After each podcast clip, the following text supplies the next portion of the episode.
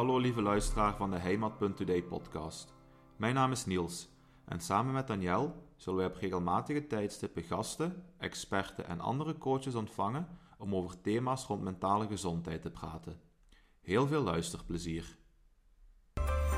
Hallo allemaal en welkom bij de Heimat Today podcast. Ik ben Niels en vandaag heb ik Anaïs bij mij. Hey Anaïs. Hey Niels. Welkom in deze podcast. Anaïs, ik ga meteen met de deur in huis vallen. Jij bent een van de coaches op het Heimat-platform. Je geeft mindfulness. Wat heeft jou ertoe geleid om voor Heimat aan de slag te gaan?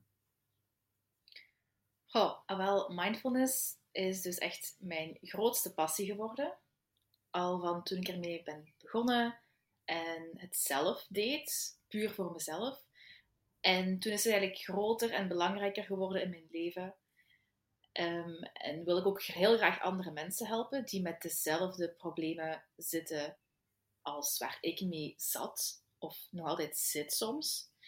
En toen, toen ik hoorde over Heimat en toen jij contact had met mij, was ik onmiddellijk geïnteresseerd. Want ik vind dat tegenwoordig mentaal welzijn, mental health, zo een groot woord is geworden. En heel veel mensen vinden dat nog taboe. Langs de andere kant is het ook trending. En ik vind dat, dat Heimat heel correct, heel direct en ook heel laagdrempelig aan de slag gaat met mentaal welzijn. Op verschillende manieren. Ehm, dus dat sprak me echt wel aan, enorm aan om met jullie samen te werken om een coach te worden voor Heimat. Omdat ik het gewoon een ongelooflijk mooie missie vind. Ja, ja, dat is het ook. Hè. Dat is ook een van de doelstellingen die we met, met Heimat willen bereiken. Hoe zit jij jaren geleden bij mindfulness terechtgekomen? Ik ben bij mindfulness terechtgekomen toen ik 17 jaar was. Dat is nu zo'n 6, 7 jaar geleden. En ik had eigenlijk last van fysieke klachten. Dus die fysieke klachten waren bij mij vooral rond mijn buik, mijn maagstreek. Um, ik had precies altijd een knoop in mijn maag. Um, ik had ook heel veel klachten van dat ik heel vaak misselijk was, duizelig en ik wist niet waarom. Dus natuurlijk, in eerste instantie lichamelijke klachten, dan ga je naar een dokter. Nu, het probleem was, al die dokters die vonden maar niets. En uiteindelijk zei dan een dokter van, kijk, ik denk toch dat je stress hebt. Nu, ik was 17 jaar, ik wist amper wat het stress betekende en ik ontkende het. Ik zei van, nee, ik denk niet dat ik stress heb. Allee, ik zou niet weten waarom. Ik ga naar school, alles is oké. Ehm, maar die dokter zei, ja, kijk, we vinden gewoon niks. Dus het moet wel emotioneel of het moet wel mentaal liggen, want op fysiek vlak is er niks mis met jou. En toen had die dokter in kwestie mij dus een pilletje gegeven. En dit is het verhaal, denk ik, dat heel veel mensen doormaken. Ze kampen met iets en er wordt een pleister op de wonden geplakt om de symptomen te laten verdwijnen. Maar er wordt eigenlijk niet meer aan de slag gegaan met wat is er nu echt aan de hand? Wat is eigenlijk de roots? Wat is eigenlijk de wortel? Eh, de, de oorzaak van het probleem? Um, ik ben na een week denk ik al gestopt met dat pilletje. Omdat dat pilletje eigenlijk op zichzelf al heel uh, rare symptomen gaf. Dus dat wilde ik al helemaal niet. En toen was het eigenlijk mijn, mijn papa die mij heeft meegenomen naar een mindfulness cursus. Okay. En dat was eigenlijk heel ja, verrassend. Mijn papa is een van de meest um, gegronde mensen die ik ken. Um, ik, hij, is, hij, was toen helemaal niet spiritueel of gelovig. Hij was echt gewoon super down to earth uh, werkt voor de overheid. Echt zo'n heel gegrond persoon. Dus ik had zoiets van, wauw, als hij hierachter staat, dan moet het wel echt iets, iets uh, betekenen en iets speciaal zijn. Ja. En um, dus toen ben ik met hem meegegaan naar het acht weken cursus van mindfulness. Dus dat is zo de officiële um, ehm, MBSR cursus um, hier in Genk in Limburg. En dat was dus echt iedere vrijdagavond ik werd toen 18 jaar, dus je moet ook inbeelden wat voor een, wat voor een opoffering dat was om elke vrijdagavond 2,5 uur mindfulness te doen. Terwijl al mijn vrienden uit waren, zat ik in een yoga shala met een groep mensen mindfulness te doen. Maar ik was heel um, bereid om mijn tijd hierin te steken en om mindfulness een kans te geven. En ik deed dus alle oefeningen. Ik deed elke dag die meditaties. En laat ik het zo zeggen, na enkele weken waren die klachten, die symptomen wat ik had, van mijn maag, duizeligheid, misselijkheid, dat was allemaal verdwenen. En ik was erachter gekomen dat het wel stress was, een eerste kwestie. En het was onderbewuste stress. Ik was zo op automatische piloot. Ik was zo eigenlijk in slaap in mijn leven. Ik was helemaal niet wakker. Ik was helemaal niet um, bewust van wat er omging in mijn gedachten en wat er omging in mijn lichaam. En mindfulness heeft mij dus echt wel uh, een soort van wakker gemaakt en mij bewust gemaakt. Als er, uh, als er ongemakkelijke gedachten kwamen, als ik stress had voor een schoolopdracht en heeft mij leren omgaan daarmee. Oké, en hoe, hè, want je, dan, je zegt dan net, hè, wanneer tot uw vrienden op stap gingen, zat jij met die papa ergens in een zaaltje mindfulness te oefenen. Hoe reageerden uw vrienden daarop? Want het wordt, mindfulness wordt toch nog door veel mensen en in, in veel kringen gezien als iets zweverigs, als iets, ja, um, je gelooft er niet in. Hoe, hoe reageerden uw vrienden daarop? Of hoe, hoe keken zij ernaar tot jij met mindfulness aan de slag ging? Um, op dat moment had ik het niet echt super bekend gemaakt, omdat het nog zo in de eerste fase was. Ik was er vooral zelf op gefocust ik had wel vrienden rondom mij die last hadden van piekeren. Um, en ik had dan één persoon willen meenemen. Dat was toen ook mijn, mijn vriendje eigenlijk. Ik had hem willen meenemen naar mindfulness. Hij heeft dat ook een keer gedaan. Maar toen werd hij eigenlijk weggesleurd door zijn ouders. Want die vonden het inderdaad te zweverig. En die dachten dat het het probleem erger ging maken. Zij dachten dat mindfulness aandacht geven is aan dingen. En als hij aandacht ging geven aan zijn piekeren, dat het net erger ging worden.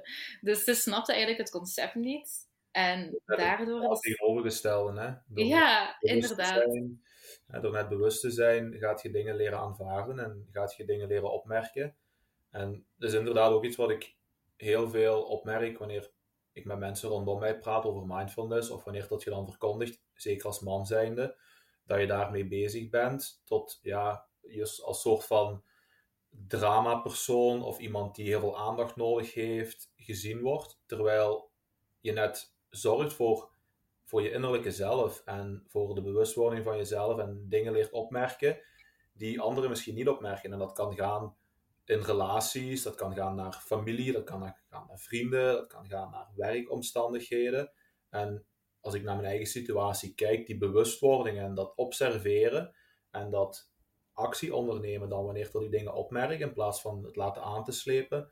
Dat is net wat dat bij mij de grootste deuren geopend heeft. Helemaal waar, helemaal waar. Dus ik denk dat die personen rondom mij, mijn vrienden en mijn, mijn vriendje toen, dat zij dat gewoon, ze hadden gewoon geen flauw idee wat dat was en wat het kon doen. En ik was zelf ook nog maar aan het leren. Dus ik was ook nog niet in die positie om hem echt te overtuigen of om alles goed uit te leggen. Want ik was zelf nog maar een prille student. Dus heel veel mensen rondom mij snapten niet echt waarom ik het deed. Ik had hen ook nooit echt verteld over waarmee ik zat. Ehm, dat was, zoals ik zeg, echt nog een soort taboe. Dat was gewoon van, oké, je houdt dat voor jezelf. En uh, dat werd een beetje bekrachtigd op het moment dat ik mijn vriendje wilde helpen. En dat hij echt meegesleurd werd door zijn ouders. Van, nee, niet gaan, dat is iets slecht. En, en beide zijn ouders waren zelfs dochter. En dat had ik, ik vond dat echt wel erg. Maar oké, dat is natuurlijk zijn pad, dat is zijn leven. Ehm, en ik heb het verder gedaan met mijn papa. En ik, in de jaren later, de jaren erna, bijvoorbeeld nu, ehm, heb ik wel heel veel steun en begrip van mijn, van mijn vrienden, mijn vriendinnen. Nu snappen ze ook veel beter wat het is. Nu kan ik het ook veel beter uitleggen. En beseffen zij ook wel dat het hun kan helpen met stress. En doen zij bijvoorbeeld soms mee bij een meditatie of, of vragen ze soms wat hulp. Um, dus staan ze daar zelf ook veel meer voor open, puur omdat ze het meer begrijpen. En ook ervaren dan waarschijnlijk, hè? want mindfulness draait uiteindelijk toch om, meer om het ervaren dan om, er, om over het vertellen erover. Er valt natuurlijk heel veel over te zeggen, maar wanneer dat je echt die, die innerlijke rust en die innerlijke kracht ervaart, door bijvoorbeeld een diepe meditatie, een bodyscan, al dat. Ik denk dat dat vooral de kracht is van mindfulness. Zeker voor de mensen die er misschien niet in eerste instantie in geloven of mee willen bezig zijn. Vanaf het moment dat je het één keer ervaren hebt en voelt wat het met je kan doen en wat het allemaal kan losmaken en teweeg brengen, dan heb je eigenlijk geen overtuiging meer nodig, want het is net de oefening die zo krachtig is voor die persoon. Ja, dat klopt volledig, volledig. Uh, hoeveel mensen wel niet hebben gezegd van ik ben sceptisch tegenover mindfulness of een meditatieoefening. En na de oefening, na de meditatie of na de mindfulness oefening, gaat er gewoon een heel nieuwe wereld voor hun open en willen ze het elke dag doen. Ja, het is, ook, het is ook, meer dan, dan iets.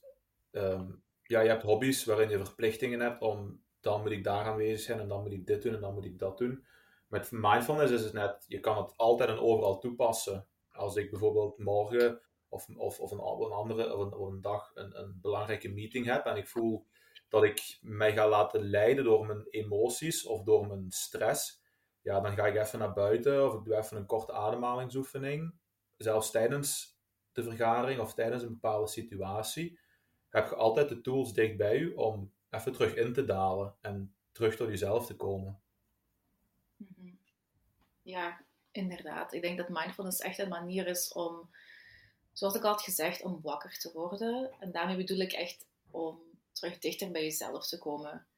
Om uit de, de rush van het leven en de drukte van het leven te, stappen, te stappen en even een momentje voor, voor jezelf te nemen en even inchecken met jezelf.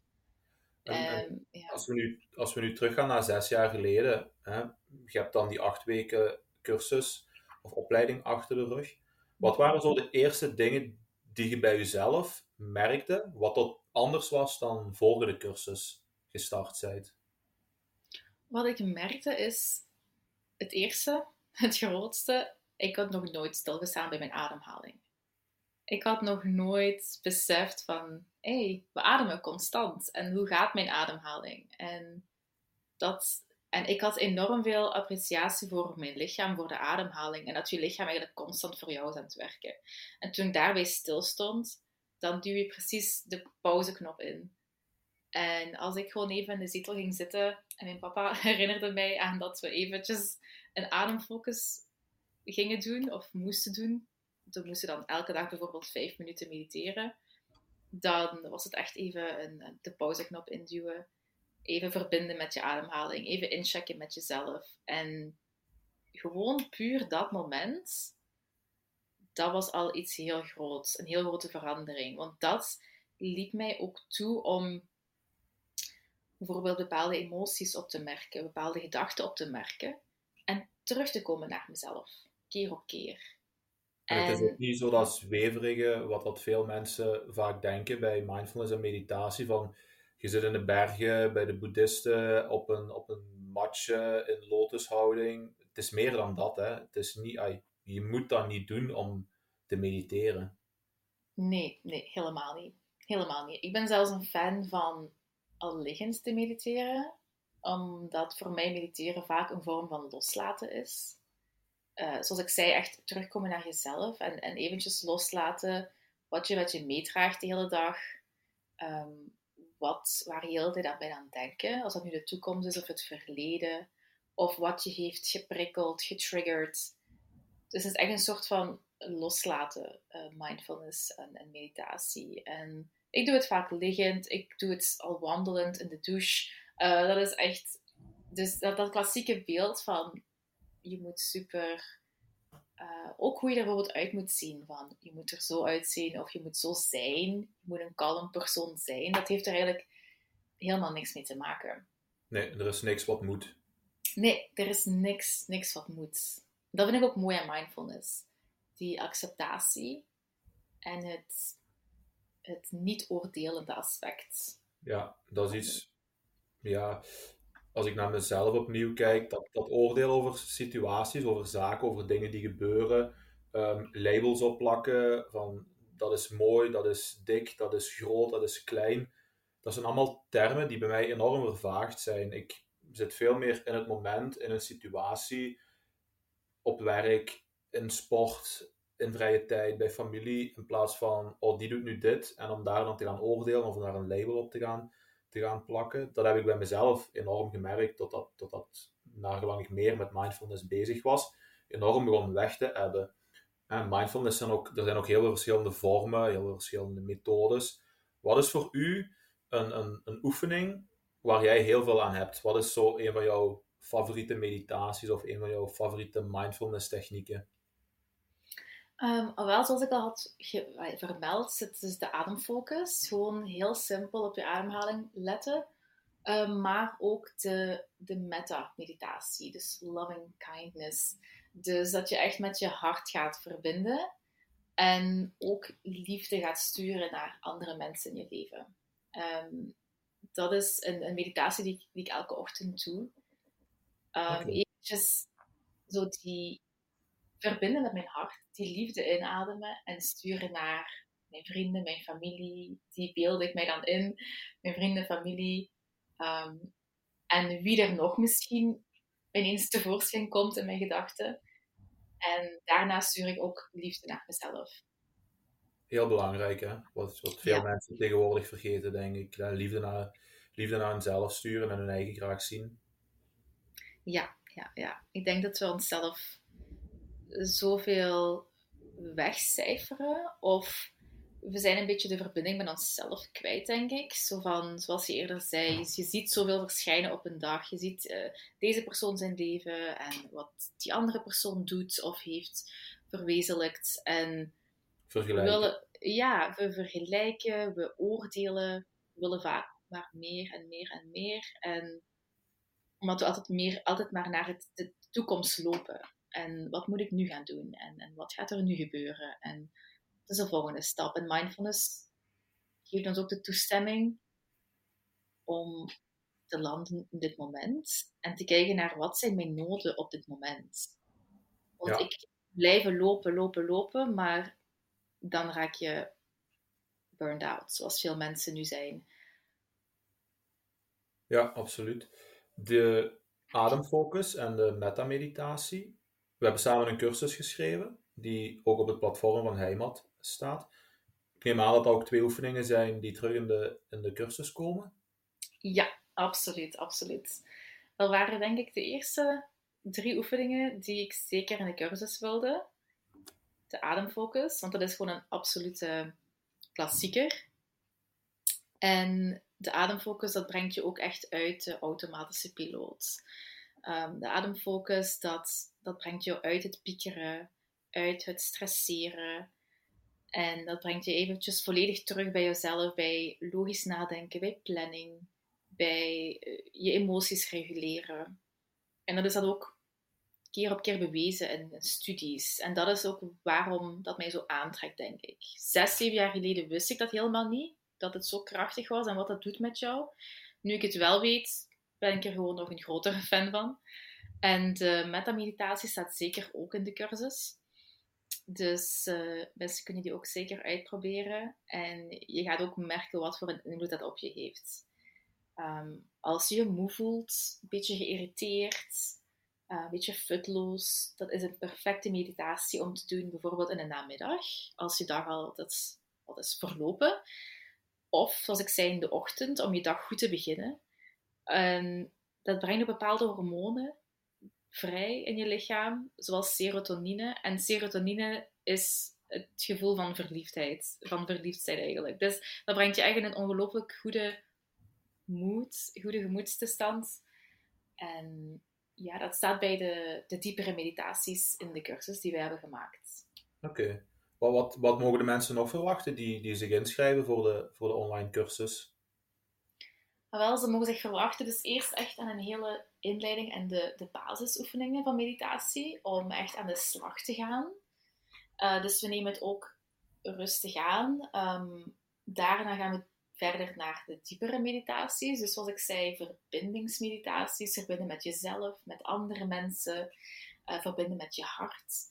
Daarna nemen, nemen we je ook mee in meditaties rond moeilijke emoties. Hoe kan ik omgaan met uh, slecht nieuws, met uh, een gevoel van zwaarte, een gevoel van droevigheid of van angst, van woede? Hoe ga ik daarmee om? Hoe kan ik die emotie verwerken? Um, we nemen je ook mee in oeroude meditatievormen, zoals een mantra-meditatie. Mantra-meditatie is ook heel krachtig om uit een soort gedachtepatroon te stappen. En op het einde hebben we het over mindful leven, dus echt bewust leven. Uh, want mindfulness is, gaat dus niet om die ene oefening die je doet, elke week of zelfs elke dag. Tuurlijk heeft die meditatie of die oefening heel veel positieve invloed op jou, maar het gaat dus over je dagdagelijks leven en over die andere 23,5 uur van je dag. En over hoe je omgaat met je relaties. Hoe je reageert op een opmerking waardoor je normaal getriggerd zou zijn.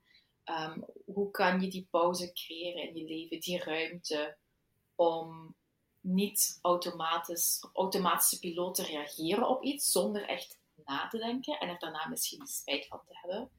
Maar hoe kan je vanuit jezelf reageren? En hoe kan je eigenlijk je beste zelf zijn? Ja.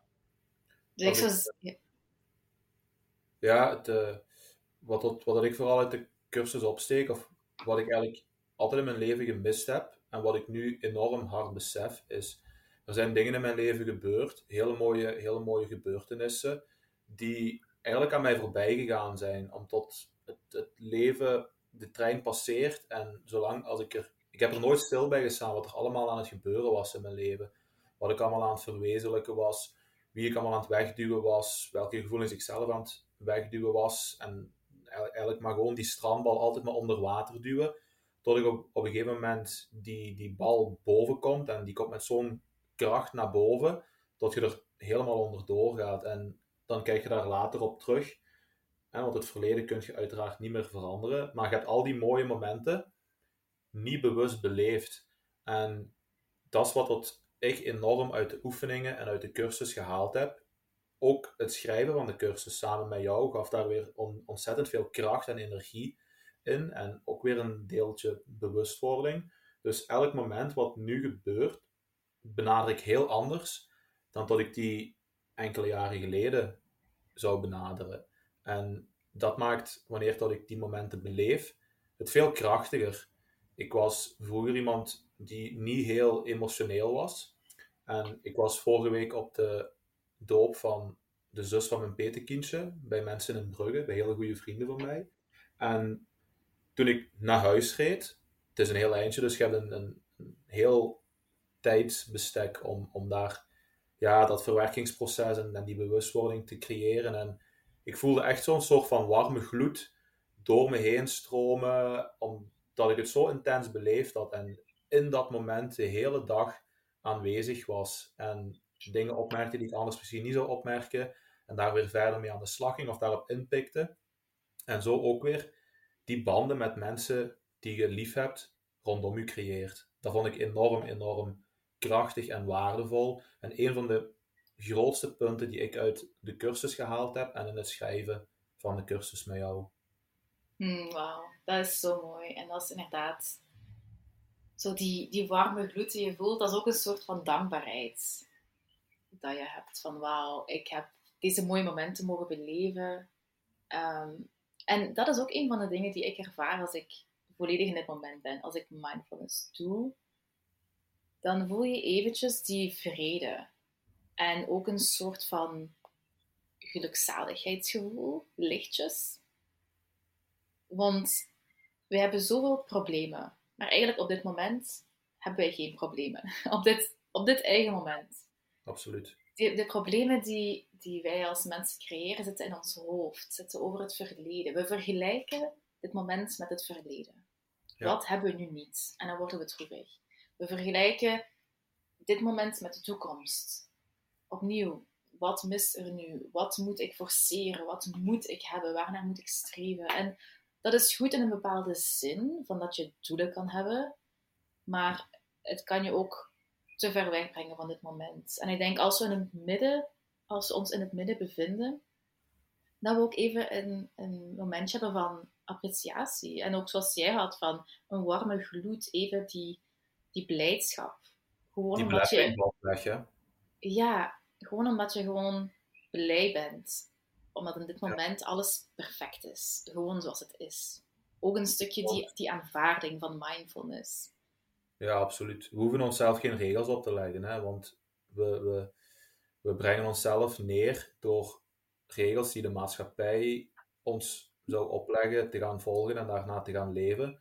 Terwijl dat is niemand die dat zegt, dat is nooit iemand die daar aanleiding toe geeft. En gelijk jij zegt, van ja, die, die belemmering gewoon, die valt weg. En je kunt veel bewuster, veel vrijer leven. En dat is iets wat ik iedereen wil aanraden. En wat ik ook hoop dat de mensen meenemen uit het gesprek wat wij net gehad hebben. Tot Hmm. er is meer dan, dan, dan er gewoon. Het is, het is niet meer dan er gewoon zijn. We moeten niet meer doen, we moeten niet meer denken, we moeten niet meer vergelijken met anderen. We zijn er en dat is meer dan goed genoeg. En iedereen heeft zijn, heeft zijn goede eigenschappen, iedereen heeft mindere eigenschappen. En dat is oké zo. En ik hoop dat de mensen die de cursus zouden volgen, dat ook meenemen aan het eind van de reis, dat ze er iets uit, geleerd hebben. En dat zou enorm mooi zijn en enorm krachtig, tot als wij, door middel van dit gesprek, door middel van de cursus, mensen zoals jij en ik in het verleden angst hadden om daar openlijk over te praten, om of daarmee aan de slag te gaan, dat we die mensen net wel hebben kunnen overtuigen om gewoon ermee aan de slag te gaan, voor hun eigen leren te zorgen en niet meer dan dat, terugkomen in het moment, terugkomen tot jezelf. En als we dat kunnen bereiken, als coach, als heimat zijnde, dan hebben we een hele mooie maatschappelijke functie in de maatschappij. En dan kunnen we echt iets bijdragen. En ja, ik hoop echt dat de mensen, de luisteraars en de volgers van de cursus die boodschap ook voelen aan de hand van het gesprek wat wij net gehad hebben. Absoluut, absoluut. Op het einde van de dag moet je ook gewoon het beste maken uit jouw leven.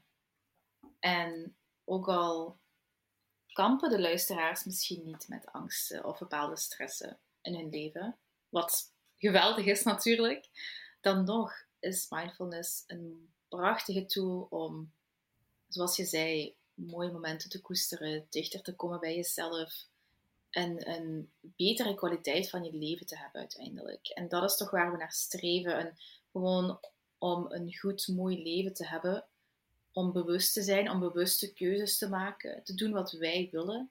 En inderdaad loslaten van de verwachtingen die andere mensen op ons leggen. Andere mensen die evengoed niet precies weten misschien wat zij willen.